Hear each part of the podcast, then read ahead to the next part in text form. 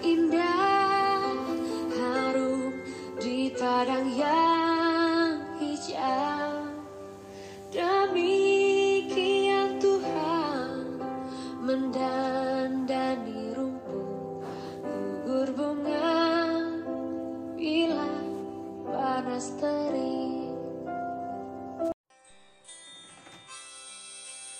Puji nama Tuhan, Shalom Bapak Ibu Saudaraku di mana pun Bapak Ibu Saudara berada. Senang sekali kita bisa berjumpa lewat siaran radio pada hari ini.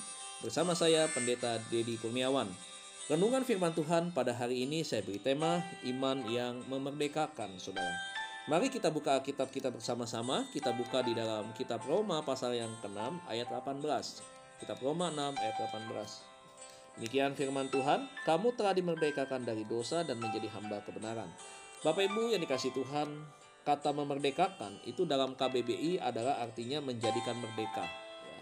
Kemudian membebaskan diri, kemudian melepaskan dari penjajahan, dan yang terakhir adalah memberikan kebebasan. Sementara lawan kata dari merdeka adalah terjajah, terikat, atau tertindas. Nah, apa yang kita baca ini adalah memiliki pengertian bahwa ada perubahan status yang kita alami, yang kita miliki, atau identitas dari hamba dosa kepada hamba kebenaran. Nah, sejak manusia jatuh ke dalam dosa, seperti yang tertulis di dalam kitab Kejadian pasal 2 ayat 6 sampai dengan 24, ada akibat yang harus diterima oleh manusia, yaitu terpisahnya manusia dari Allah. Walaupun kita tahu ada perkataan Tuhan yang kelak nanti akan mengirim seorang juru selamat seperti tertulis di dalam ayat yang ke-15 dan merancang sebuah konsep keselamatan dengan sebuah pengorbanan sang juru selamat. Nah, yang perlu kita sadari bahwa manusia tidak dapat membebaskan dirinya dari dosa, terlebih menebus dirinya sendiri. Tidak bisa, ya. Perlu ada seorang penolong yang dapat menebus dan membebaskan dirinya, saudaraku. Ya, gambaran orang yang terikat, saudaraku. Ya, dia tidak bisa melepaskan dirinya tanpa ada orang yang bisa melepaskan keterikatannya dia. Dan oleh sebab itu gambaran ini juga adalah gambaran yang berlaku bagi kita pada saat kita sebelum mengerti dan hidup di dalam kebenaran di mana kita adalah sebagai orang yang terikat dengan berbagai pelanggaran, berbagai dengan dosa, saudaraku. Nah, apa yang dilakukan oleh Tuhan? Ya kita tahu bahwa dalam kisah bangsa Israel, Bapak Ibu, ya, ketika perbudakan di Mesir, ya, mereka minta pertolongan Tuhan. Dan apa yang Tuhan lakukan? Tuhan turun tangan untuk membebaskan mereka dari perbudakan. Seorang budak adalah seorang yang bekerja tanpa digaji. Seorang budak adalah orang yang hidupnya, saudaraku, ya, itu tidak memiliki kekuatan, ya tidak memiliki kekuatan. Hak-hak mereka ditekan. Mereka tidak memiliki kebebasan. Mereka kadang mendapatkan perlakuan yang tidak manusiawi, bahkan sampai ada yang mati, ya. Bahkan apa yang diperintahkan tuannya, maka dia harus lakukan, saudaraku. Ini hak budak. Nah, gambaran ini adalah gambaran orang yang tertindas, teraniaya, tertekan, saudaraku.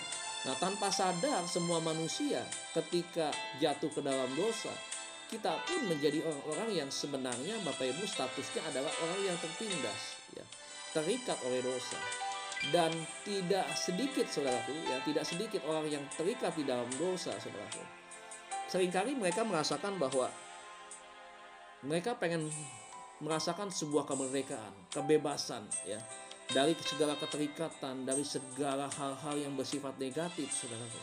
Namun sering kali juga mereka menemukan jalan buntu. Mereka merasakan bahwa seakan-akan jalan itu sudah tertutup bagi dirinya.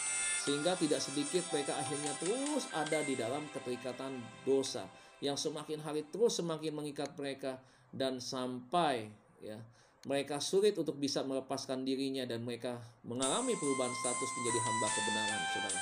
Nah, ini satu hal yang menjadi sebuah perhatian khusus, ya. Kalau kita berbicara tentang budak, ya maka di dalam uh, Alkitab Tuhan mengatakan bahwa budak itu ada tiga jenis sebenarnya.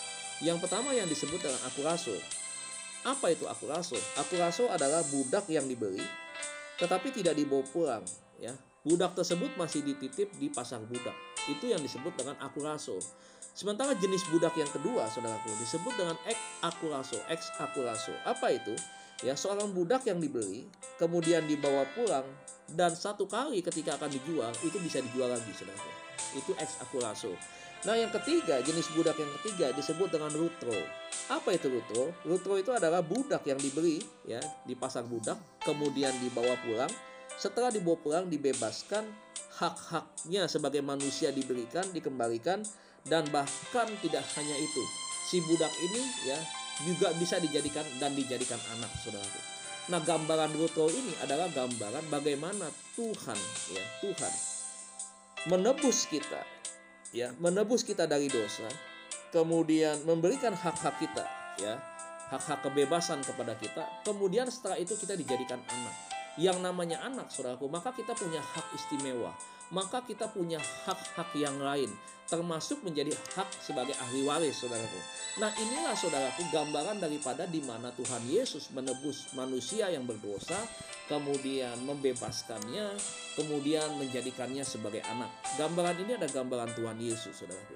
Ya, kita menyadari saudaraku bahwa kasih Tuhan itu begitu besar bagi kita sangat-sangat besar ya. Yohanes 3:16 berkata demikian ya bahwa kasih Tuhan itu untuk semua manusia untuk seluruh isi dunia ini ya.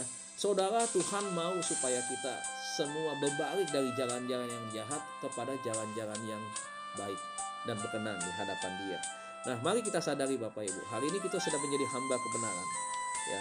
Apa yang harus kita sadari dan kita pahami tentang status kita sebagai hamba kebenaran yang pertama kita tahu saudaraku bahwa iman yang memerdekakan adalah iman dalam Tuhan Yesus yang memberikan tiga arti penting di dalam kehidupan kita sebagai anak Tuhan. Apa arti penting itu? Arti penting yang pertama adalah membebaskan manusia dari dosa.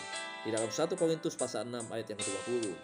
Yang kedua, saudaraku, ya, membebaskan manusia dari kutuk. Ya, di dalam Galatia pasal 3 ayat 13 sampai 14. Sebab yang hanya bisa membebaskan manusia dari dosa, dari kutuk itu hanya Tuhan Yesus. Ya. Tidak ada manusia sehebat apa pun dengan jabatan setinggi apa pun, ya dengan gelar hamba Tuhan sebagai apa pun juga yang sanggup membawa manusia, membebaskan manusia dari dosa dan membebaskan manusia dari keterikatan. Tidak ada. Hanya satu nama, nama yang luar biasa itu Tuhan Yesus yang sanggup ya membawa kita, membebaskan kita dari kutuk. Dan yang ketiga arti penting adalah membawa manusia ke dalam kehidupan kekal atau kemuliaan kekal. Dunia ini adalah sementara buat kita. Tetapi kehidupan di masa yang akan datang itu adalah tujuan akhir kita, saudaraku. Kita hidup di dalam kemuliaan Allah. Kita masuk di dalam kekekalan yang nilainya jauh lebih tinggi dibandingkan dengan kenyamanan yang ada di dalam dunia ini. Nah, jadi hari ini Bapak Ibu, Renungan pagi hari ini mengingatkan kita bahwa kita sekarang adalah hamba-hamba kebenaran. Hidupilah kebenaran itu di dalam setiap aplikasi kehidupan yang kita jalani hari-hari ini. Ya jalani, jadikan kebenaran itu adalah kebenaran yang bisa mendatangkan berkat bagi orang lain. Sehingga kita semakin bertumbuh, semakin kuat di dalam Tuhan. Pengenalan kita akan Tuhan semakin hari semakin dalam, semakin dewasa di dalam iman, dan kehidupan kita berkenan di hadapan Tuhan. Terima kasih Bapak Ibu sekalian. Kiranya Tuhan Yesus memberkati kita semua.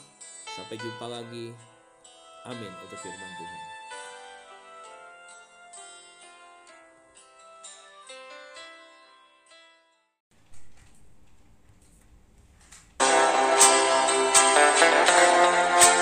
Sampai jumpa esok hari. Kiranya damai sejahtera dari Allah Bapa, kecintaan dan kasih karunia Tuhan kita Yesus Kristus, persekutuan serta penghiburan Nero Kudus menyertai kita sekalian mulai hari ini sampai Maranatha Tuhan Yesus datang.